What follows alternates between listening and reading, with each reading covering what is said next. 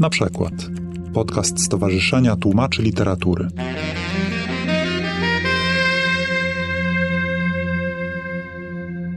Będziemy chcieli opowiedzieć rzeczywiście o naszej przygodzie z takim XIII-wiecznym tekstem ezoterycznym żydowskim, który się nazywa Sefer HaBachir, czyli księga, no właśnie koledzy tu opowiedzą o kłopotach z tytułem.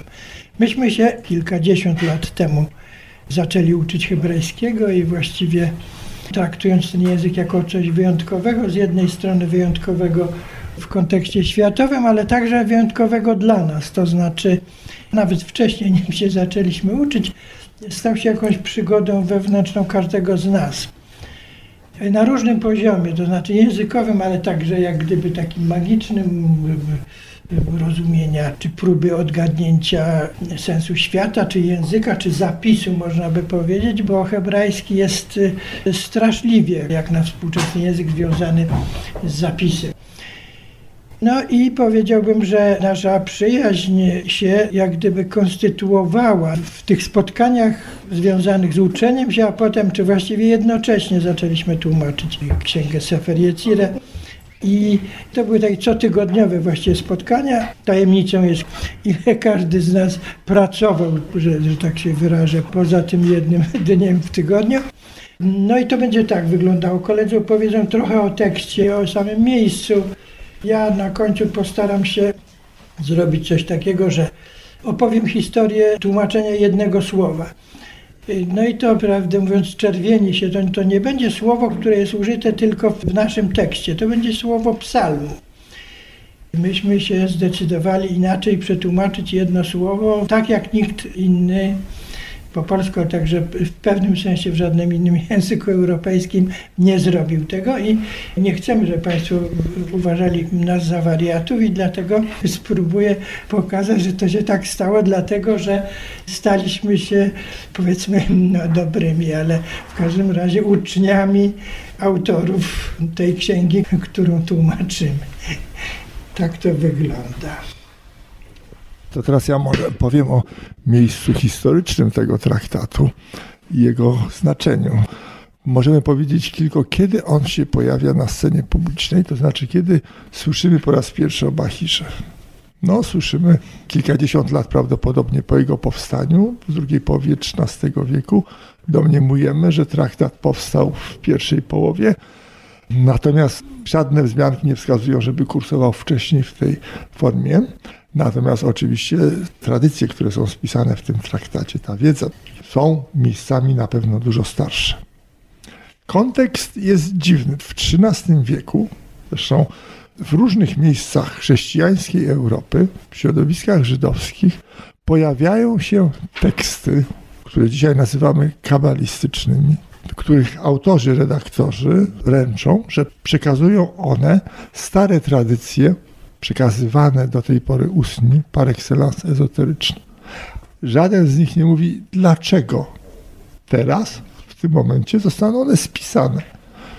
Niektórzy tylko, jak Eleazar z Wormacji w Nadrenii, tłumaczy się lękiem przed zapomnieniem.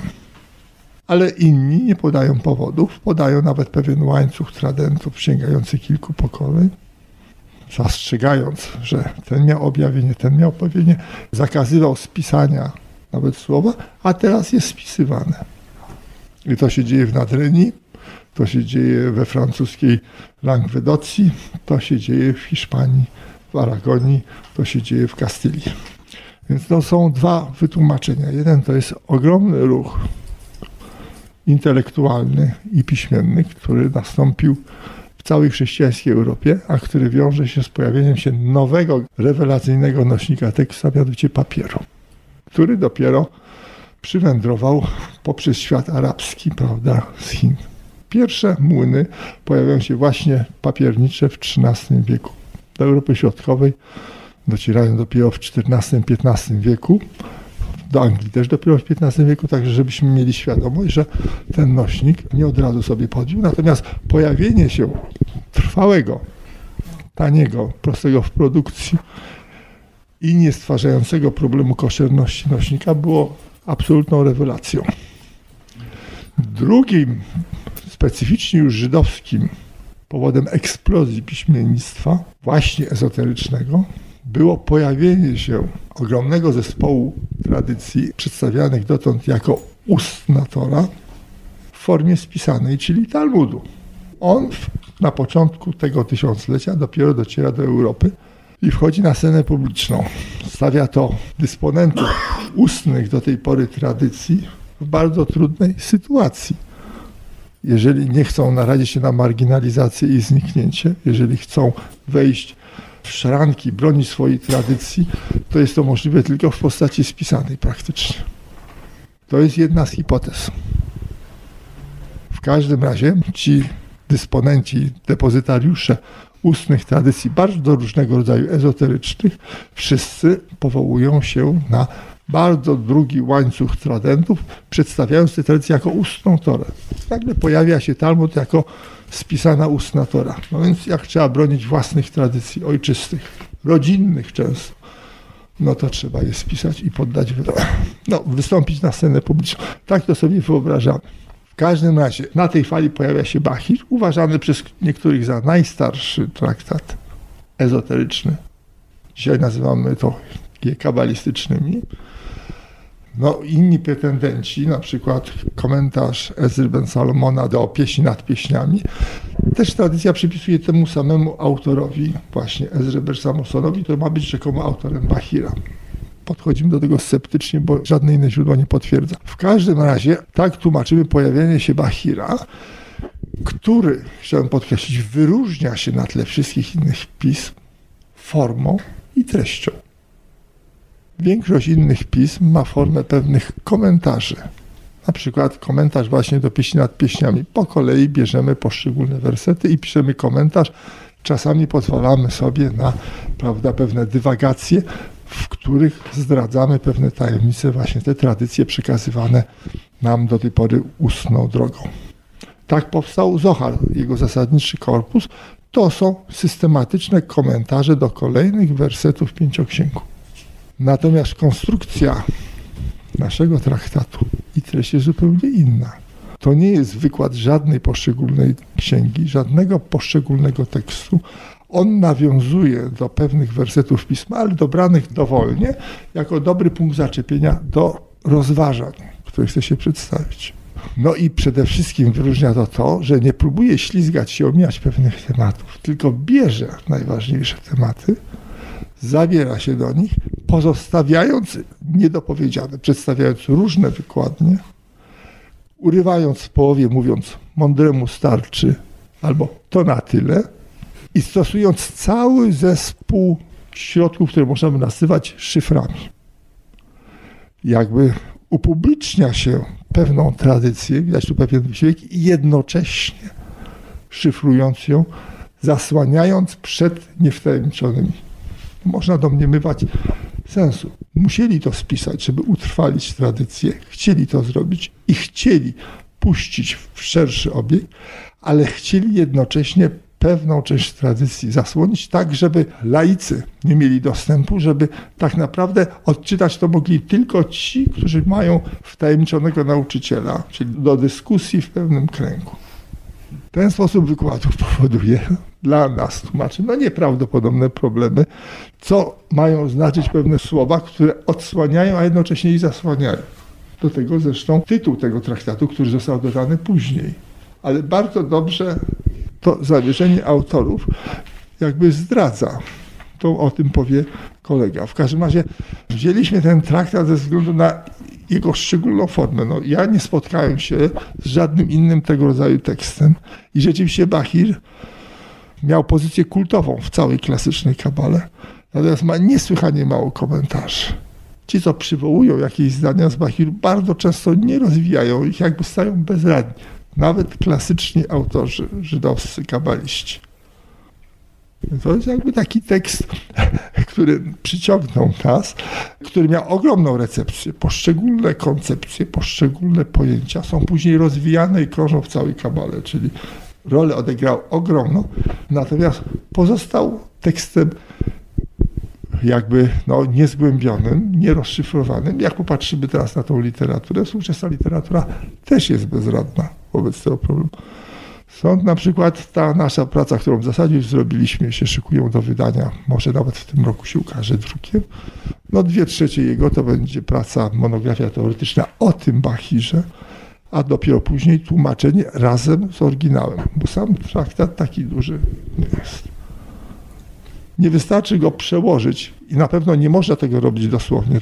No, trzeba zrozumieć i ten nasz wysiłek, który daliśmy z siebie przez tych dwadzieścia parę lat mierzenia się z tym traktatem, chcielibyśmy jakoś jednak w tym monografii wstępnej przybliżyć czytelnikowi kulturze polskiej. No i może jeszcze na koniec powiem, bo my do pewnego stopnia jesteśmy, jeżeli chodzi o spolszczanie tradycji kabalistycznej, można nas uważać w czasach współczesnych troszkę za pionierów. Oczywiście podchodzę do tego sceptycznie. No i chciałbym powiedzieć na przykład, że ja sam nigdy się nie uważałem, bo tak naprawdę pionierami przyswajania kulturze językowi polskiemu kabały byli dla mnie frankiści. Tu jest Księga Słów Pańskich, czyli zbiór nauk Franka, który jest egzegezą kabały. Jest kabalistyczną egzegezą fragmentów pisma, ale też egzegezą poszczególnych fragmentów tekstów kabalistycznych, głównie Zohara, ale i innych. I tutaj posiłkowaliśmy się w naszym tłumaczeniu pewnymi zwrotami. Ja przynajmniej forsowałem to, na ile tylko mogłem, które oni próbowali wprowadzić do języka polskiego. No one nie bardzo weszły do języka polskiego, bo ten zbiór, który powstał w XVIII wieku, do powstania styczniowego był zbiorem zamkniętym dla otoczenia, był ezoteryczny par excellence i dopiero później zaczął być przyswajany przez naukowców. No niemniej zasługuje chociażby z powodów językowych na uwagę. Ja chciałem powiedzieć przede wszystkim, że problemów, y, jakie napotkaliśmy przy penetracji tego traktatu są tysiące. Państwa by mogło zainteresować ze sto, ale nie ma na to czasu, więc no z dwa, trzy przykłady, które będzie, jak zapowiadał Bogdan, kontynuował czwartym czy piątym więc ja chciałem zwrócić uwagę na problem, na jaki natrafiliśmy od samego początku, czyli od tytułu. Sefer Habahir.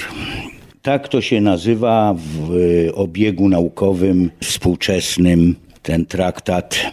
Ale oczywiście jest tak, że w średniowieczu, w tradycji żydowskiej, nikt żadnym tekstom tytułów nie nadawał.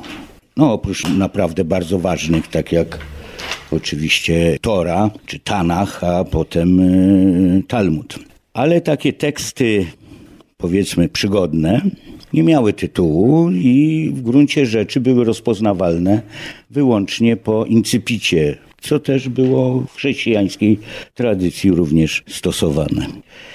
W związku z tym ci, którzy chcieli się na ten traktat powołać, chcieli się mu przeciwstawić albo go pochwalić, no musieli się takim incypitem posłużyć, żeby go zidentyfikować, czytelnikowi przedstawić. Incipit traktatu dzisiaj zwanego y, Sefer Habahir był taki. Rzekł rabi Nehunia ben Hakana. Pewien werset powiada, teraz nie widzą światła Bahir w chmurach. Na razie nie tłumaczę słowa Bahir, to jest Or Bahir, które za chwilę ujawnię, jak my to rozumiemy. No i rzeczywiście Nachmanides, który w y, latach 60. XIII wieku jako pierwszy cytował ten tekst, nazwał go Midrash de Rabbi Nehunia ben Hakana.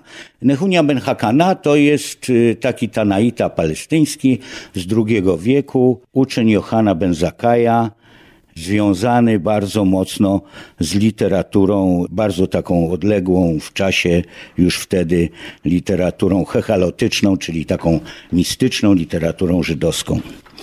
Y, nie sposób więcej o tym w tej chwili powiedzieć.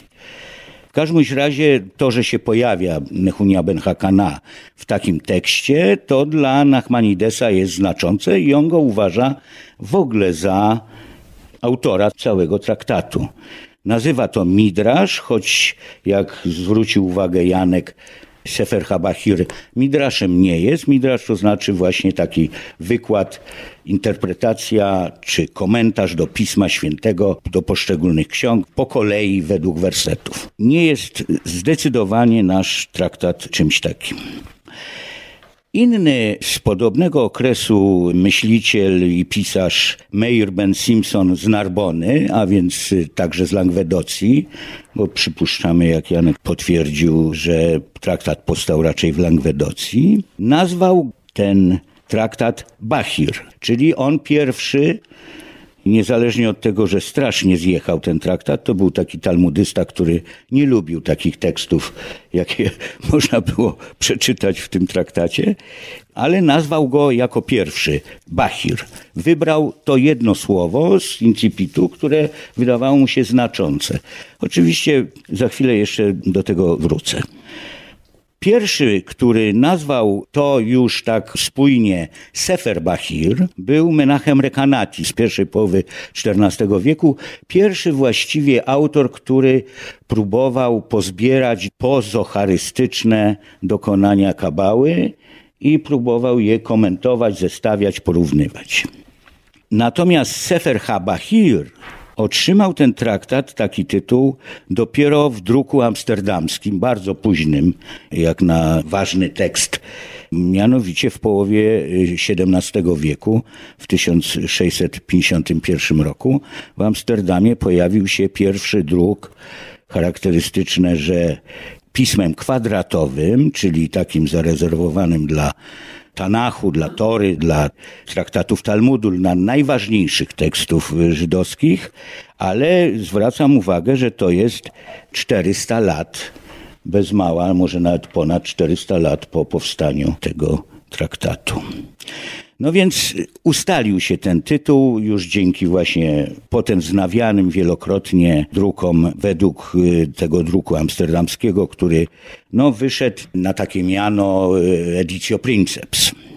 No ale to, że to się nazywa Sefer HaBahir, to do połowy tylko tłumacza cieszy, bo problem jest y, z tym słowem Bahir, bo nie wiadomo, co to słowo tak naprawdę znaczy. Jest to słowo, jak tutaj z tego incipitu wynika, zaczerpnięte z księgi Hioba. Jest to klasyczny hapax legomenon, jeden raz pojawiający się w Biblii i tak naprawdę nikt nie wie, co to słowo oznacza. Ja przypominam, że księga Hioba to jest księga poetycka, niesłychanie zmetaforyzowana, w związku z tym no, kompletnie nic nie można zdecydować z kontekstu czy z jakiegoś takiego, powiedzmy, ogólnej myśli, nie da rady w jednoznaczny sposób zinterpretować słowa Bachir.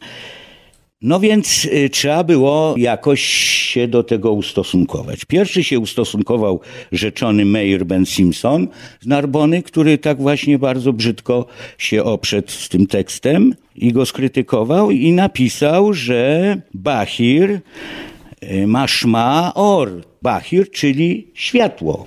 Czyli Orbachir byłoby znaczyło światło, światło, wielkie światło, jaśniejące światło, dominujące światło, boskie może światło, co w zasadzie, jak się przeczyta kontekst, może pasować. Teraz nie widzą wielkiego światła w chmurach.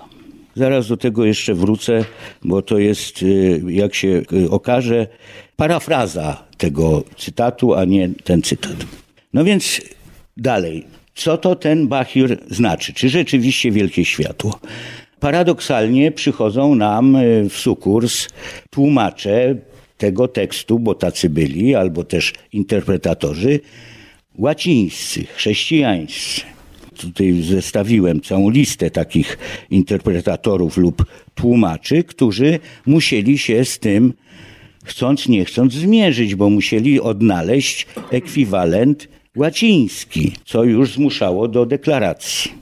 No więc wszyscy z nich zdecydowanie potwierdzili intuicję Meira Ben Simeona, mianowicie, że to jest światło, świecące światło, błyszczące światło, lucidum, lucidarium, lumen candoris, e, de candore, e, lux purissima i tak dalej.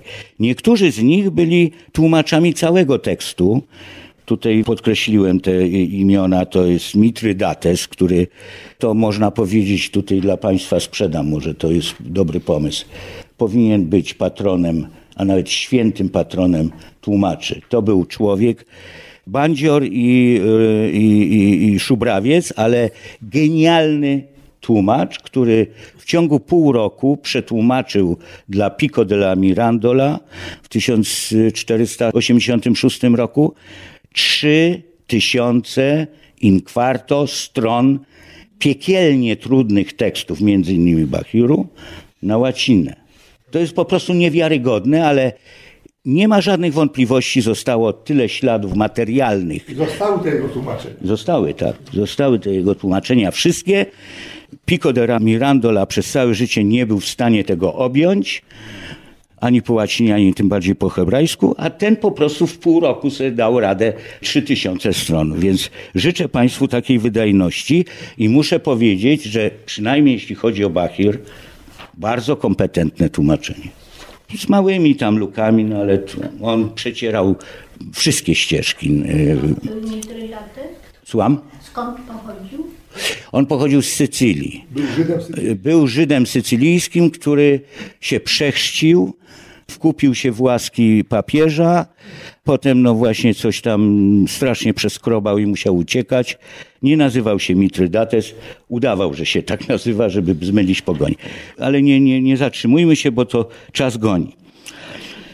E, W każdym razie jednoznaczna deklaracja. Bachir oznacza błyszczenie, świecenie, przymiot światła, który go raczej pobudza, który go podkreśla, owo światło. Szolem, Gershom Szolem, który jako pierwszy ze współczesnych badaczy mm, przetłumaczył na język niemiecki, nigdy nie wydał tego Bachiru, ale przetłumaczył na język niemiecki i on ten Bachir nazwał Das Licht leuchtet es, czyli także światło, które świeci, oświeca. No i uzus współczesnych tłumaczy na różnorakie języki. Tu wymieniłem trzy tytuły przykładowe, angielski, francuski i hiszpański, nie pozostawia wątpliwości. Wszyscy są przekonani, że jest to księga światła, jasności, księga może nie blasku, dlatego że to jest zarezerwowane dla Zoharu, bo słowo Zohar bez wątpienia oznacza blask. Natomiast tutaj raczej się księga jasności, czy może nawet oświecenia, iluminacji, coś takiego. Ale mamy także świadectwo innego typu. Mianowicie Meir ben Salomon Sahula, to był taki hiszpański z Guadalajary, czyli z Kastylii, prawda, pierwszej połowy XIV wieku kabalista i pierwszy w gruncie rzeczy pełny komentator Sefer Habachir. W związku z tym, no, on już musiał powiedzieć tak dokładnie, co on rozumie przez to Sefer Habachir i ku naszemu zdumieniu rozumie to słowo zupełnie odwrotnie niż wszyscy pozostali do dzisiaj oprócz nas. On rozumie to jako światło ukryte. Zastępuje to słowo Bahir słowem Ganus, czy Ganas. I przeciwstawia organus, czyli no to jest ganus, to jest słowo, które nie jest słowem biblijnym, ale e, w Biblii występuje jak, jako ganzecha, czyli skarbiec, czyli coś raczej ukrycie poprzez odcięcie, poprzez zamknięcie, od, oderwanie od całości. Stąd jest geniza, która jest przeznaczona jako skarbiec dla tekstów, które wyszły z użycia na skutek zaczytania czy zniszczenia. Natomiast on y, nawet tworzy taką formę hifhir i opatruje jako jedyne słowo w całym swoim traktacie, w całym swoim komentarzu znaczkami mazoreckimi, żeby nie było wątpliwości, że to jest hifhir. I to jest słowo, które pochodzi od jakiegoś hipotetycznego, nieistniejącego w języku nawet y, teologicznym hipotetycznego Bahar, czyli jakby no, podstawowej formy naszego Bahiru. I oznacza ono relację między Bogiem a owym światłem, które ten Bóg stwarza. I to jest akt ukrycia. Keller, Baumgartner i sztam. Autorzy współczesnego słownika, dość niedawno przetłumaczonego na język polski, chyba najbardziej kompetentnego słownika hebrajskiego Starego Testamentu, nagle ujawniają, że słowo Bahir, szukając źródeł arabskich czy wspólnych hebrajsko-arabskich, trzeba tłumaczyć przymiotnikowo jako mroczny i pochmurny. A więc Sahula ma rację z punktu widzenia porządnej, takiej klasycznej czy też nowoczesnej leksykografii. Proszę Państwa, ten traktat jest zdecydowanie w takim dojmującym tonie traktatem o świetle ukrytym, a nie świetle jaśniejącym. Połowa tych rozdziałów czy tych fragmentów, na które się składa ten traktat, mówi o tym, że oto Pan Bóg stworzył światło i z jakichś tam powodów ukrył je w dużej części, jedna tysięczna, znaczy, no tak, ukrył 999 y, tysięcznych, a pozostawił nam jedną tysięczną, jedną siódmą, jedną dziesiątą, po to, żeby wtedy, kiedy na to my wszyscy ludzkość zasłuży, to dostąpimy w czasach mesjańskich pełnego tego światła. Ale jest to traktat o świetle ukrytym.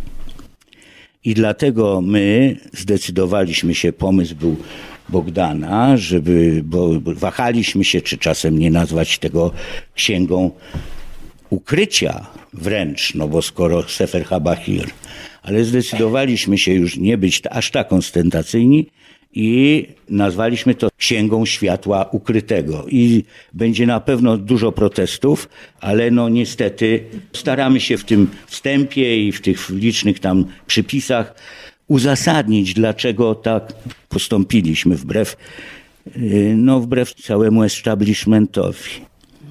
No może ja już y, tutaj jeszcze mm, y, takie, no to dwa zdania. Mianowicie tak jak w tym cytacie z Hioba, bardzo charakterystyczne dla autorów, oni parafrazują tekst biblijny, święty tekst biblijny, już wtedy nienaruszalny, bo wyjmują z tego tekstu słowo hu, czyli on, co może odnosić się do światła, bo to jest zaimek męski, ale bardzo często owo hu odnosi się do Boga. W związku z tym, zamiast teraz nie widzą światła ukrytego, bo On, Bóg, jest w chmurach, czy między chmurami, zamieniają to tak, że to światło Bachir, to światło ukryte jest w chmurach, czy przez chmury. I tutaj ja jeszcze takie inne parafrazy przytoczyłem, takie dwa, no to z, ze słynnego początku y, trzeciego zdania y, Księgi Rodzaju. Vajomer Elohim Yihior Vaihior, co się tłumaczy? Bóg powiedział, niech stanie się światło, stało się światło, ponieważ waw jest tu traktowane jako waw konsekutywum, czyli zamieniające czas przyszły na czas przeszły dokonany.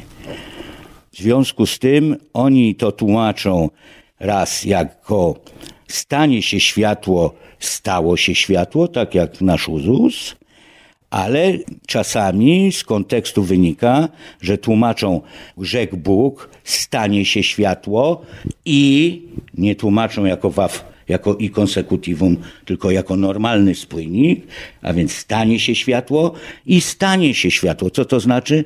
Bóg stworzył dwa światła, dwukrotnie powiedział, niech stanie się światło. I jedno z nich ukrył dla sprawiedliwych.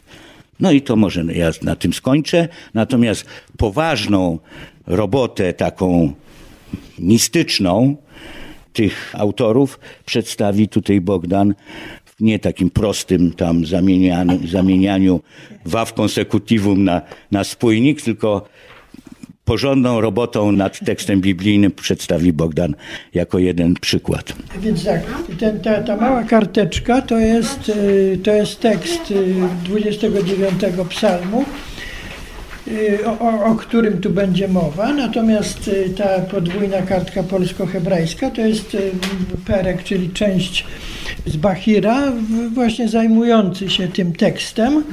Y, No i jak pokaże, usprawiedliwiając nas, że dokonaliśmy tego straszliwego gwałtu na jednym słowie w tym tłumaczeniu.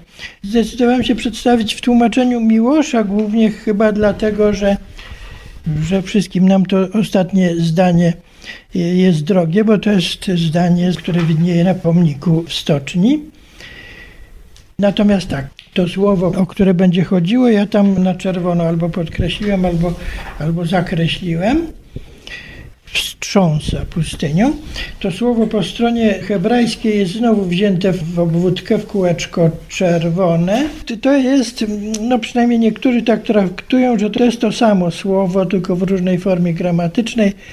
Inni traktują, że to są to słowa no, blisko ze sobą związane. Te słowa to, to jest halal i albo hol, hul. One nawet jeśli w swojej podstawowej formie co innego znaczą, to w wyższych formach gramatycznych mają formę identyczną i są nierozróżnialne.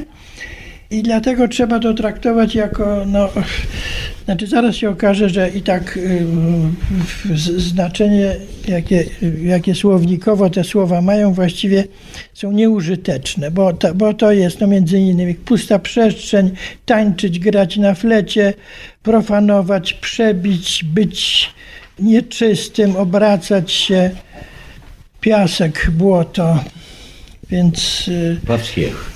Tak, właściwie, właściwie rzeczywiście tłumacze, wszyscy tłumacze od początku, od czasów biblijnych są dość bezradni. Wielu z nich, no właśnie używa słowa wstrząsa, które myśmy, no już po- powiem właśnie na czym ten nasz grzech polega, przetłumaczyli jako zapładnia. I teraz, żeby się usprawiedliwić, to muszę opowiedzieć o miejscu tego tekstu w tej panoramie językowej e, Biblii. No to jest opis teofanii niesłychanie drapieżny, drastyczny, podobny właściwie do teofanii bogów y, kananejskich, Baala. To jest jakaś biblijna wersja Boga burzy, Boga drapieżności przyrodniczej świata. W Biblii, jak wiadomo, jest no, niesłychanie dużo bardzo ważnych i znaczących te- teofanii i ta jest jak gdyby skrajnie po stronie gniewu. No, przypominamy sobie tą przeciwną po stronie łagodności, no to to jest na przykład spotkanie Abrahama z Bogiem, z Trójcą, o którym się mówi tak mniej więcej. Bóg dał się Abrahamowi zobaczyć. Abraham pod dębami Mamre podniósł oczy, to był upalny dzień i zobaczył trzech wędrowców. I właściwie to są oczywiście, to można powiedzieć biblijnie aniołowie, ale to jest objawienie no, niesłychanie dyskretne i w pewnym sensie biegunowo inne niż to, które opisuje Psalm 29. I teraz okaże się, że Kabała widzi świat jako taką jedność dwóch, jak gdyby absolutnie y, niespójnych, nie dających się pogodzić porządków. Łagodności, miłości powiedzmy porządku i porządku prawa, surowego prawa. To jest prawa i lewa strona Boga, bóstwa czy drzewa sefirotycznego. Odwrotnie tak. Pra, prawa jest po lewej. No, że widzimy jak gdyby od, od, od strony tyłu, to he- heraldycznie prawa, to znaczy prawa heraldycznie to to jest nasza lewa. Dlatego, że to jest, że to jest prawa strona tego, tego, tej postaci, ten, czyli orła, tak? czyli jak jest po prawej, to my go widzimy z lewej. W każdym razie no, ważne, że ten podział, ważne, że ten Od podział... ołtarza i od nawy, to tak by trzeba było. No tak właściwie trzeba było. To akurat w tej chwili jest mało, mało ważne, ale oczywiście istotowo jest bardzo ważne. I teraz będzie się okazywało, że autorzy Bahiro w tym tekście, który jest obok hebrajskiego, to jest tłumaczenie tego, że oni będą chcieli, powiedzmy, to jest nieładne słowo, wymusić, ale nie zobaczyć w tym tekście ten aspekt y, miłości Boga. To nie jest, jak Państwo rzucą okiem na ten przekład psalmu, to nie jest takie proste, bo na ogół to jest, to jest siedem głosów, siedem głosów, które bardzo ważna, ważna, ważna kategoria w, w Sefer HaBachir, bo one opisują jak gdyby siedem tak dolnych, no powiedzmy tego czegoś, co będzie sefirami, tymi kategoriami, którymi Bóg operuje w, w kontaktach ze swoich ze światem. No, zaczyna się od głosu Boga nad wodami, czyli z, z Genezis, z pierwszego obrazu Genezis, gdzie Duch Boży unosi się nad wodami i Merachefet, czyli niektórzy jak tłumaczą, że on wysiaduje, osiaduje, osiada na, na świecie, jak jakiś ptak, jak coś takiego. W każdym razie nasi autorzy będą, będą starali się pokazać, że ten tekst nie jest tekstem skrajnie po stronie lewej no i teraz, jak Państwo rzucą okiem, to tak, wytłuszczone to są te zdania, no powiedzmy, przekładu z psalmu.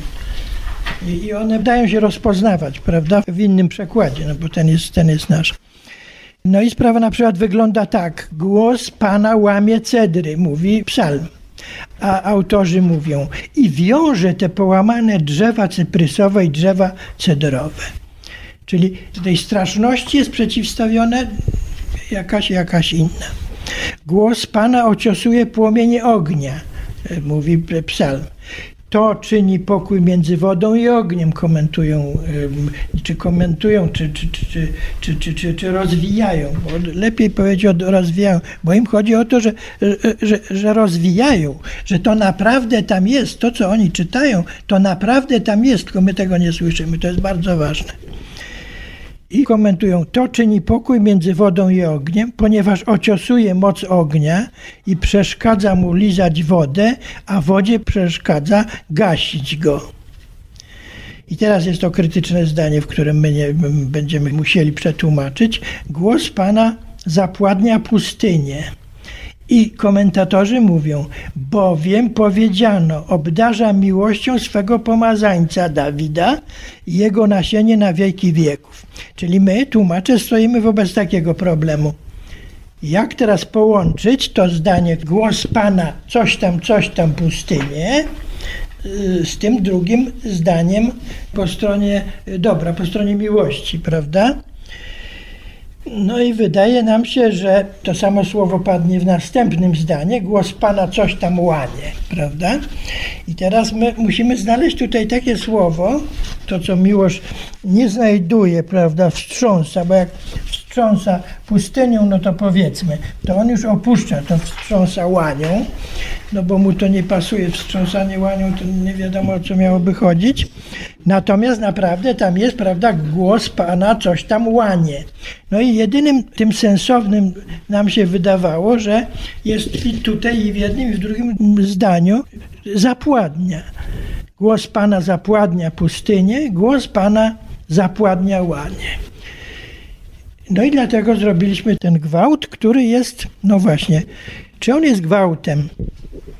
Gwałtem na dosłownym tekście psalmu na pewno jest, natomiast na tym ekstrapolowanym e, tekście jest w duchu tego i dlatego e, no, no nie uważamy się za wariatów, tylko za, za dobrych uczniów autorów Bachiru. I teraz jeszcze mały komentarz o tym, czym dla nich jest to dopowiadanie.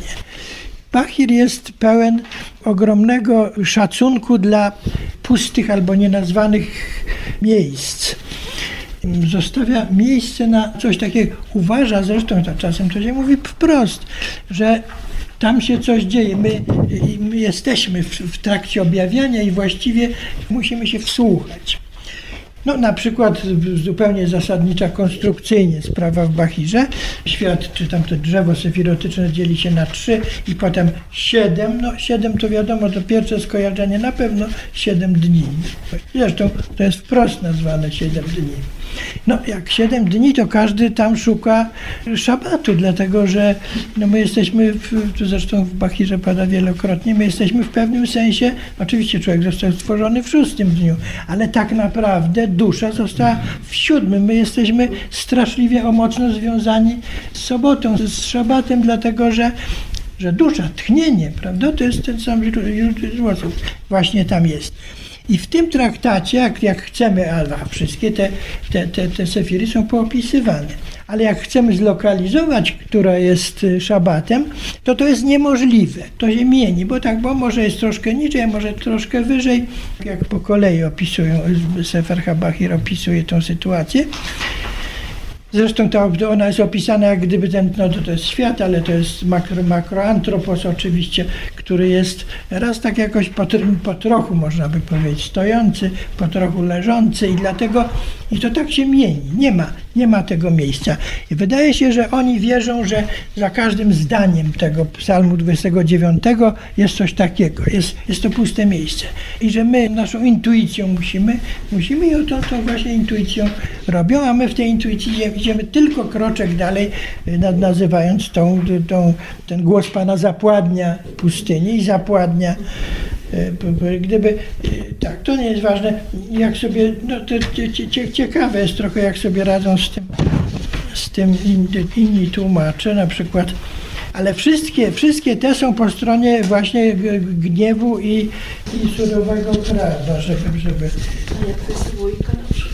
E, u wujka jest właśnie ciekawie, u wujka jest przygotowuje łanie jeśli znaczy potrząsa pustynią, a, a przygotowuje łanie.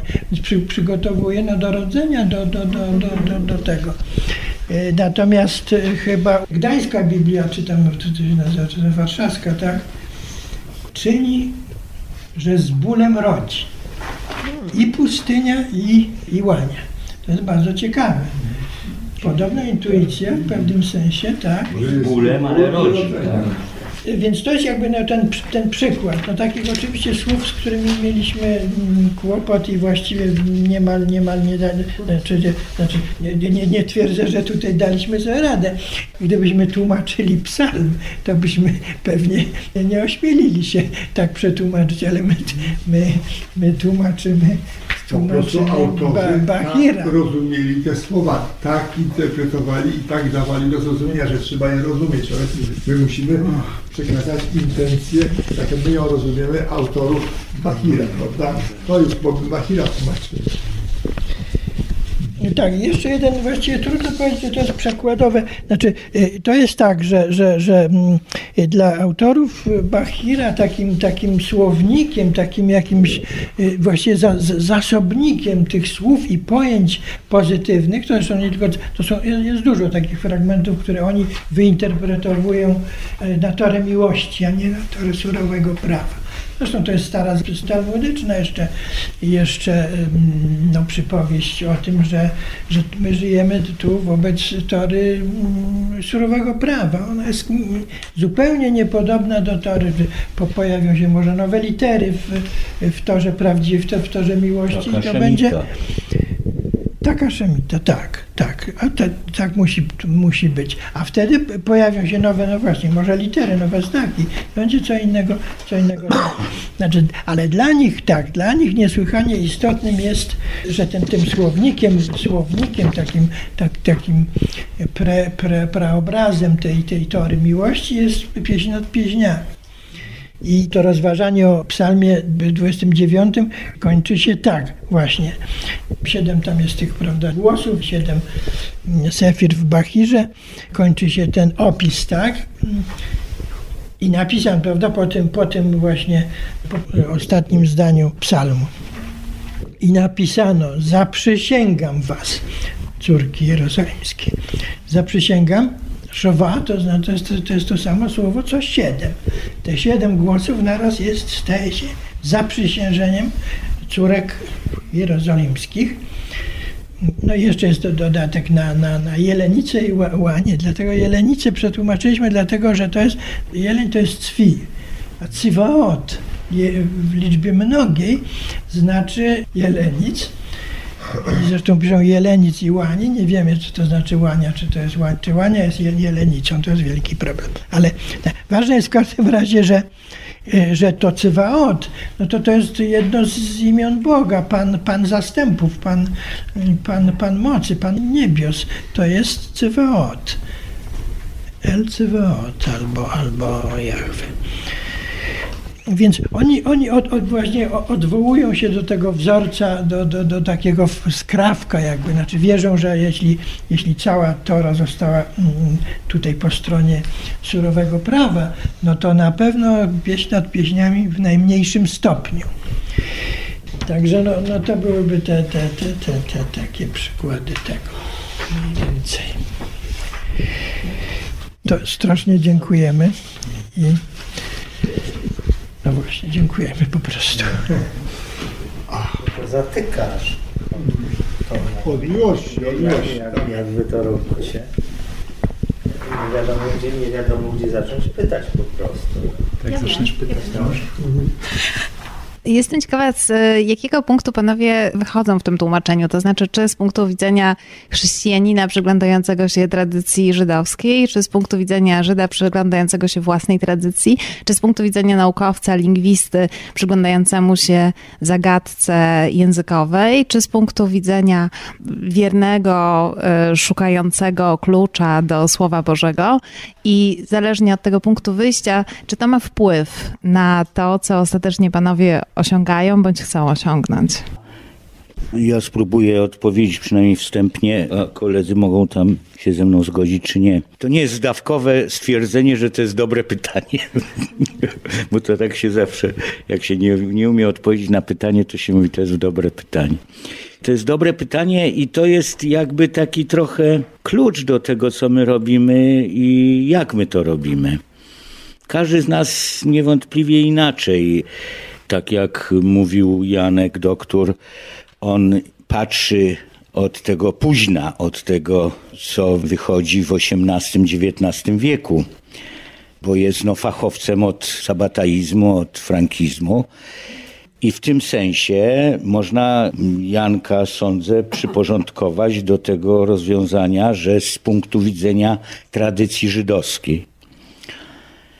Ja e, raczej jak to powiedzieć, od dołu, ponieważ jestem mediewistą z wykształcenia, znaczy z wykształcenia jestem jeszcze kim innym, ale dość długo zajmowałem się średniowieczem, mniej więcej tym okresem XIII wieku, ale także i wcześniej i później chrześcijańskim. I rzeczywiście, no, z racji także bliskości w porządku wiary, ja wychodzę także od tego, rozumiejąc absolutnie wspólne korzenie i, i, to, że to jest ten diament, który się mieni w zależności od tego, z której strony jest oświetlony i z której strony się na to patrzy. A Bogdan, y, no ta pieszczota ze słowem pokazuje, że jest w gruncie rzeczy poetą.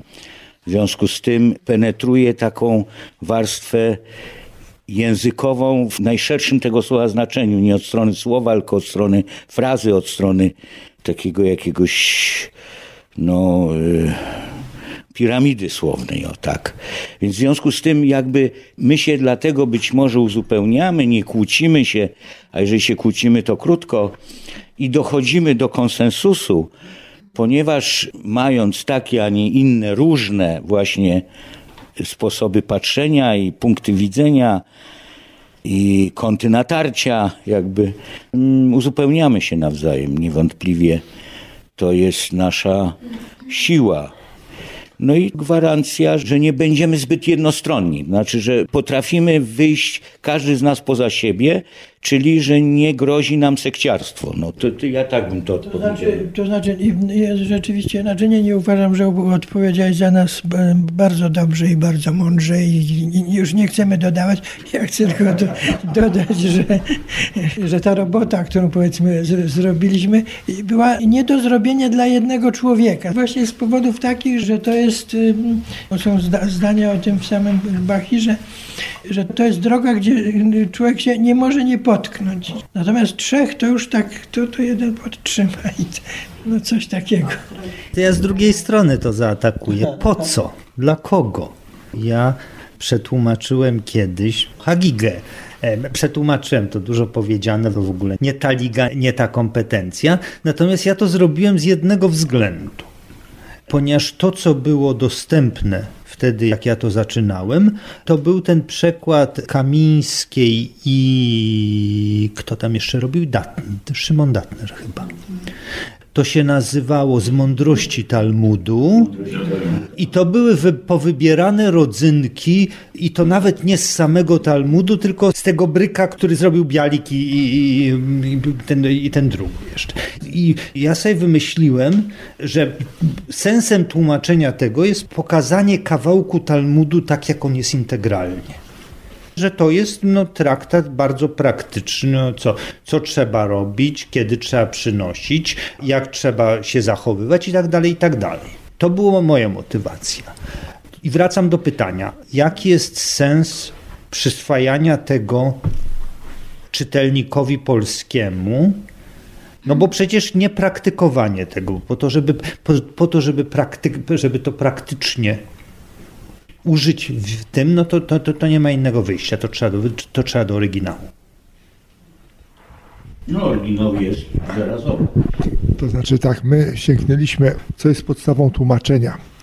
To jest jakby różna jest podstawa tłumaczenia, albo pojedynczy rękopis, jedna z wielu wersji, bo o tym nie mówiliśmy, ale ponieważ on wyszedł tak późno drukiem, czyli miał pierwsze wydanie traktowane jako editio princeps, jest bardzo dużo wersji rekompiśmiennych, różniących się dosyć istotnie, y, które mają swoich fanów, prawda? My przyjęliśmy za podstawę wydanie amsterdamskie, które jest oparte na rękopisie, który my też uważaliśmy, on się nie zachował, ten rękopis, za chyba najbardziej starożytny, byśmy powiedzieli, ale przede wszystkim one samo, choć jest drukowane, jest ułomne jest bardzo złą czcionką wydrukowane i z obyczajem, że z dużą ilością skrótów i ostatnie czy dwie litery w co drugim wyrazie są obcięte. W związku z tym korzystanie z niego jest też bardzo utrudnione, jeżeli a dla osoby niezaznajomionej z kulturą kabalistyczną praktycznie niemożliwe. Więc my, drukując tekst hebrajski, nie reprodukujemy tego wydania amsterdamskiego, tylko jakby je dopiero publikujemy. Natomiast dlaczego my to robimy? Dla nas te nasze spotkania to jest pewnym rodzajem seminarium i dyskusji. Jak gdyby nie ta praca nad Bahirem, na pewno była nam niezbędna także do mojej normalnej e, pracy zawodowej, także w innych dziedzinach. Trzeba spotykać ludzi kompetentnych, podobnie myślących, z którymi można przedyskutować interesujące mnie sprawy, których w Polsce jest bardzo mało. Stworzyliśmy takie grono. Mamy zresztą seminarium w Brzychu międzyuniwersyteckie poświęcone duchowości żydowskiej. No, trzeba stworzyć jakieś grono, gdzie można wymienić się myślami, wzajemnie inspirować. I dla mnie to było ważne, a takie spotkania mają sens, jak zmierzają do pewnego celu. No, dla mnie pewnym celem jest przyswojenie kulturze polskiej pewnego świata, bardzo dla tej kultury ważnego, istniejącego. No właśnie te rękopisy frankistowskie są tego dowodem. To wszystko weszło do kultury polskiej, do tradycji polskiego romantyzmu, choć bez tej, tej terminologii, prawda? Ono gdzieś tam jest w postaci ukrytej, przetworzonej i trzeba te źródła, te inspiracje też odnaleźć i przyswoić sobie. Także ja uważam, że to jest taka motywacja, która zmierza do wydania tego traktatu a spotkania nasze i ta praca jest czymś niezależnym. Chciałem dodać, że po pierwsze, że to będzie właśnie w ten sposób wydane, czyli że jeżeli ktoś chciałby, coś go zainteresuje, a czuje się kompetentny i chce zajrzeć do oryginału, no to ma. To jest jedno. A po drugie, że jako takie uzupełnienie cyfrowe czy liczbowe tego, co powiedział Janek, wydanie amsterdamskie, na którym się oparliśmy, zostało na ziemiach polskich między początkiem XVIII wieku a XX wiekiem chyba dziesięciokrotnie czy dwunastokrotnie wydane na ziemiach polskich.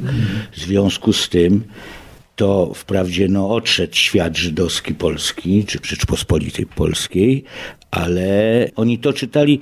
Zresztą druk amsterdamski, jak jest kolofonie, można przeczytać, jest drukowany przez polskich Żydów, mimo że w Amsterdamie, na wniosek polskich Żydów, którzy chcą jak się to tam mówi, że ze skromności, tak?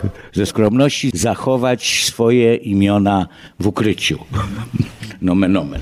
Księga.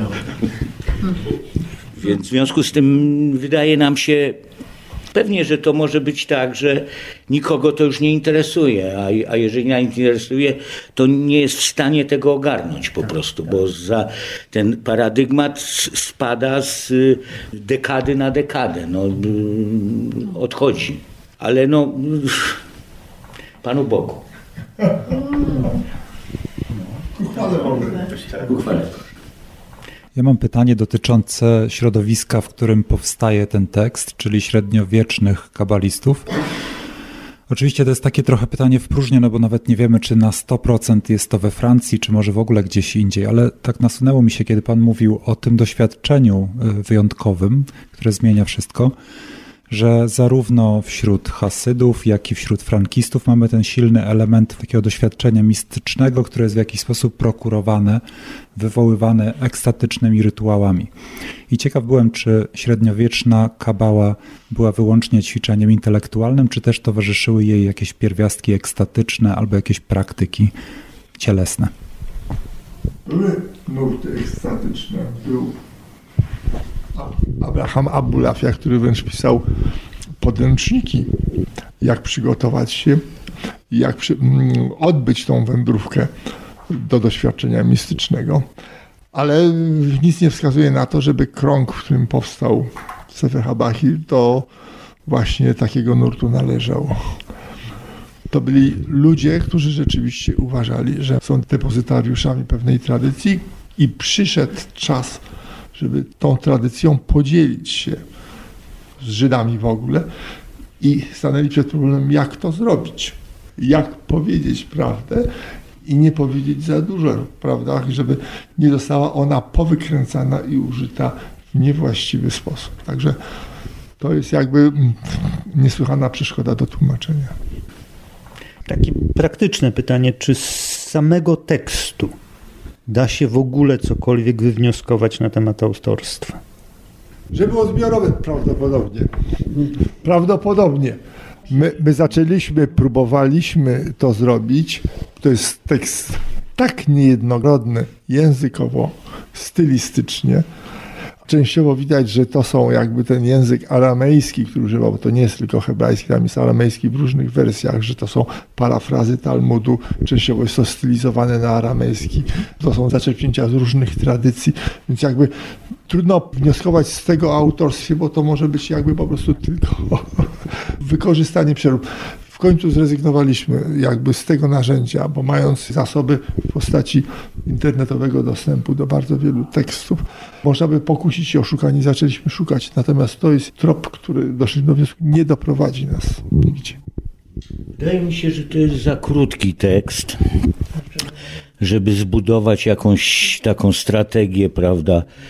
Poza tym, no, y, to co Janek podkreślał, a co jest dojmujące i niesłychanie nas deprymujące, a jednocześnie mobilizujące, że to jest rzeczywiście co odsłona to zakrycie, co odsłona to zakrycie, zmiana podmiotu, y, przechodzenie zupełnie bez y, odpowiedzialności z jednego myślenia o świecie na drugi. To jest po prostu no chodzi o to, żeby tacy jak my nie mieli szans po prostu. No, to Pytanie jest o koherencję jest niekoherentny Z zamierzenia.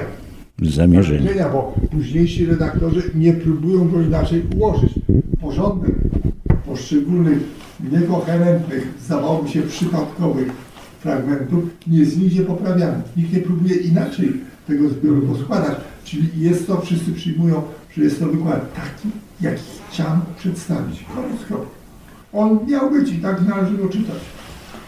A w takim razie to jeszcze jedno pytanie. Czy panowie wiecie, e, co się dzieje na świecie w sprawie? To znaczy, no, jaki jest stan badań nad tym po prostu? Jakie, jakie, jak, w jakim kontekście pracujecie po prostu? Bardzo pięknie, bo bardzo długi, ostatnich kilkadziesiąt lat się nie kazało nic na temat Bachiru, choć niektórzy niesłychanie sławni, ciągle żyjący ludzie zapowiedzieli swoją edycję Bachiru. Nikt ich nie zrealizował, ani Abrams, który już raz wydał, powiedział, no nie udało mi się dobrze edytować Bachiru, zrobię to po raz drugi, tego nie zrobił. Nie zrobił no ile, ile by się było zapowiedź, zapowiedzi w słowie drukowanym, nie tylko ustnym. Nikt nie zrezygnował, czyli No tak, ani Peter Scheffer ostatnio. Scheffer zapowiadał kilkunastu lat, że wyda Bachiru, zdaje się, że zrezygnował. I ani porządnego komentarza, ani nic na temat Bachiru się nie ukazało.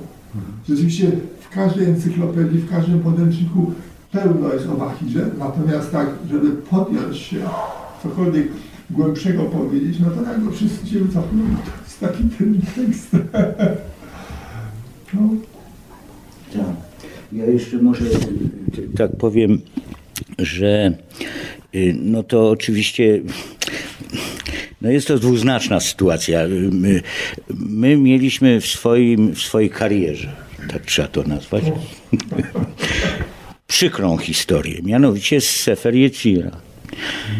Wydaliśmy, przygotowaliśmy, przetłumaczyliśmy, opracowaliśmy i na miesiąc przed wydaniem tej książki pojawiło się tłumaczenie Sefer Yetzira na polski y, Prokopowicza. Y, No, najpierw popłoch oczywiście, no bo to no, no, no, prawie plagiat, tak? To my jesteśmy ci drudzy. Y, No ale potem prze, przeczytaliśmy krytycznie tego, to tłumaczenie i stwierdziliśmy, że no nie, nie, nie jest konkurencyjne dla nas, bo połowę słów właściwie on nie przetłumaczył. I oczywiście jest taki lęk, że zanim nie wydamy Sefer Habahir, to może ktoś nas ubiec, ale rzeczywiście nie, nie widać, no nie widać, no żeby to nie, nie powtórzyło się w takim samym, jakby w takiej samej dynamice, tak?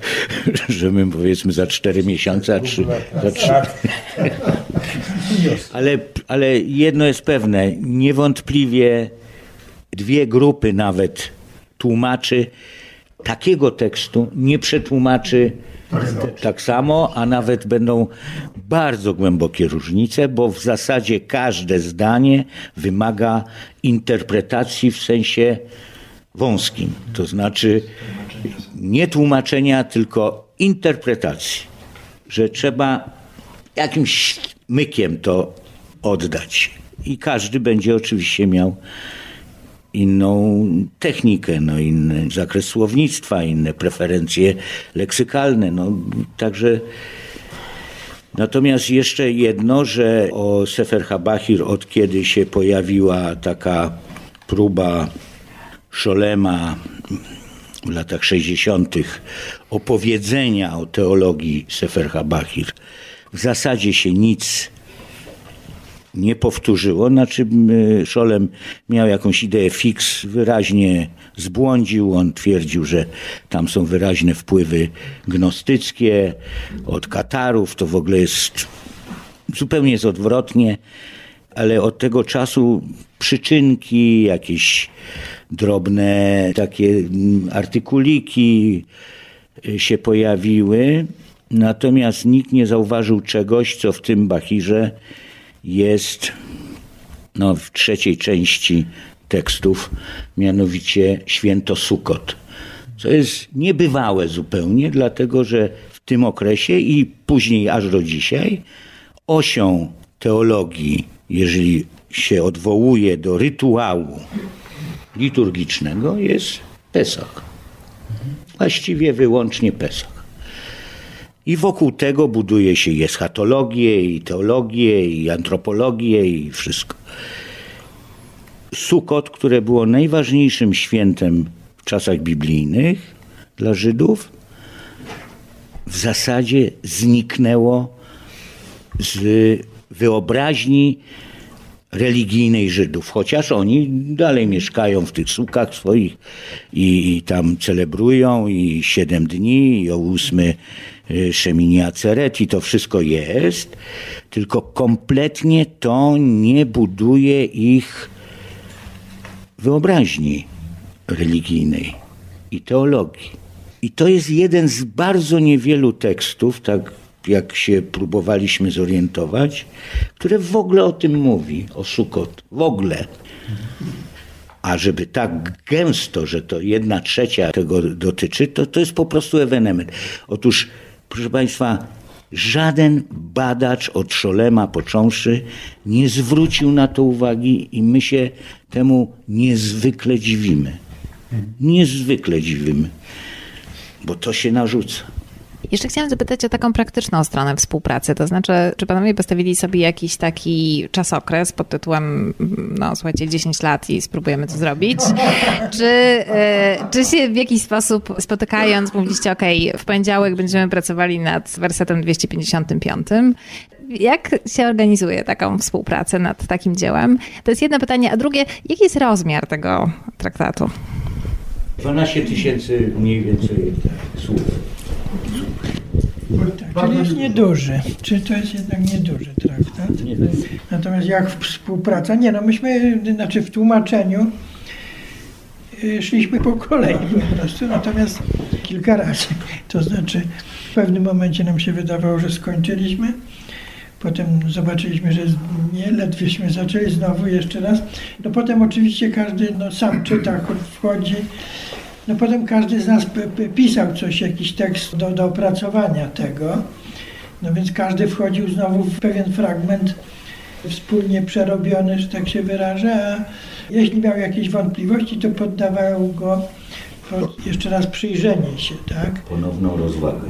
Wtedy no, czasem wychodziły bardzo ostre niezgody, no myśmy jednak, to jest jeden przykład, czyli jednak no, konsensus jest tutaj bardzo trudny w. Nie ma wodą separatu, założyliśmy. Tak, znaczy, no, no ale jednak coś, coś, coś w rodzaju weta oczywiście mogło być, no, no takie powiedzmy z dużą kulturą. I także no po prostu jak gdyby no, każdy rodzaj współpracy był wypróbowywany w sposób naturalny. Natomiast rzeczywiście no, bywały, ale nie, niewiele stosunkowo takich hand, handlów, to znaczy dobrze, tak przetłumaczy, ale, ale ja obstaję za to przy swoich ulubionych tych i no to tak jakoś udawało się bez, no bez rozstania, jak jest prawda, bo to się też może kończyć. Bogdan, Bogdan, jak każdy poeta coś zamazuje. Oczywiście były głębokie kryzysy. No, to jednak dwadzieścia kilka lat i były momenty, kiedy wydawało się, że się to rozpadnie. No. Ale w jakiś tam sposób nawet nie to, że ten dysydent został błagany, czy tego, tylko sam doszedł do wniosku, jeden z drugim, że czegoś brakuje. No.